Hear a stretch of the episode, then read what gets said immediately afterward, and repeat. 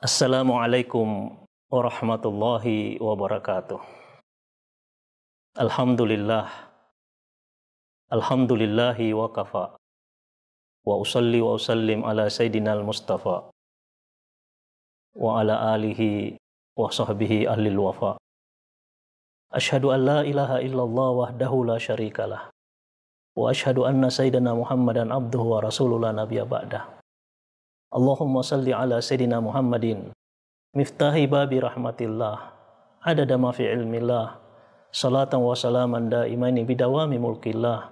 Wa ala alihi wa sahbihi wa mawala Rabbana auzi'na an nashkura ni'mataka allati an'amta alaina wa an walidina wa an na'mala salihan tardah. Walhamdulillahi rabbil alamin. Bapak Ibu saudara-saudaraku yang dirahmati Allah Alhamdulillah, saat ini kita tetap dalam keadaan sehat walafiat. Sehingga kita dapat merasakan kenikmatan beribadah di bulan yang penuh berkah. Salawat dan salam, mari kita persembahkan kepada junjungan kita Nabiullah Muhammad sallallahu alaihi wasallam, pada keluarga, sahabatnya, dan juga kepada pengikutnya yang senantiasa istiqamah. Suatu waktu Raja Mahmud Al-Ghaznawi, seorang raja di kerajaan Ghaznawi, melakukan perjalanan keluar kota, atau mungkin yang lebih populer sekarang ini mengadakan belusukan. Beliau dikawal oleh sejumlah pengawal. Di tengah perjalanan, mereka menemukan kotak-kotak yang berisi mutiara Sang raja pun memerintahkan kepada pengawal untuk memungut kotak itu dan mengambil mutiara-mutiara itu. Mahmud Al-Ghaznawi tidak melanjutkan perjalanan, namun beliau kembali ke istana. Sebelum memasuki istana, sang raja menengok ke belakang.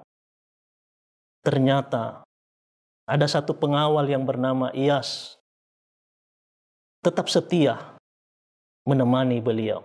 Sang raja pun heran dan bertanya kepada Iyas, Wahai Iyas, apa yang engkau peroleh dari kotak-kotak tadi itu? Iyas pun menjawab, Wahai yang mulia, aku tidak mendapatkan apa-apa. Bukankah engkau telah ikut bersama temanmu?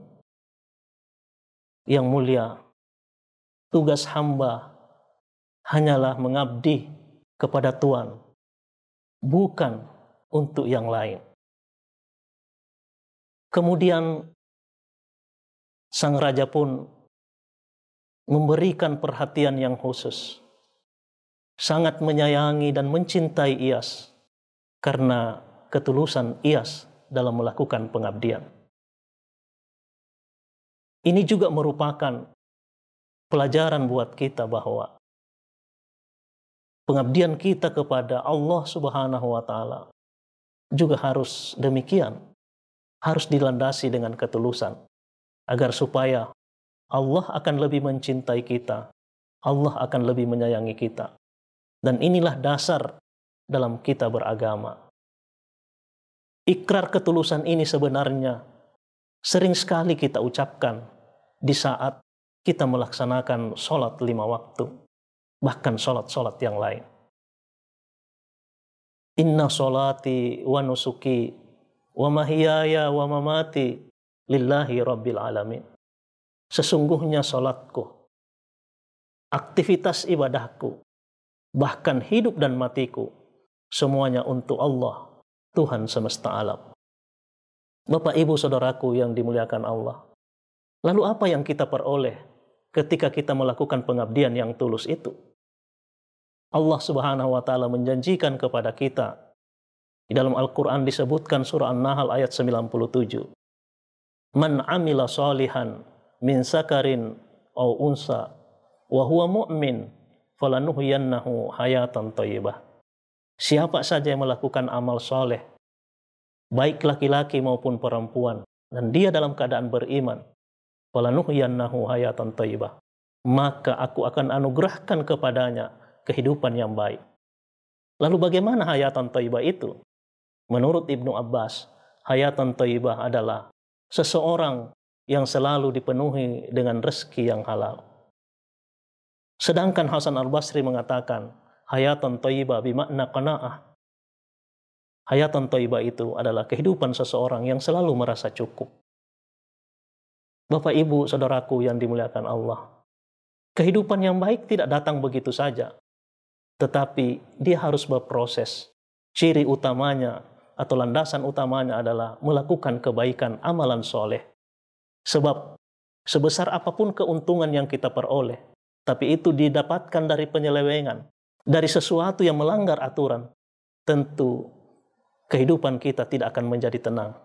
Akhirnya, sebagai kesimpulan bahwa pengabdian yang tulus akan melahirkan ketenangan jiwa, akan melahirkan kehidupan yang baik. Semoga bermanfaat. Wallahu musta'an. Wassalamualaikum warahmatullahi wabarakatuh.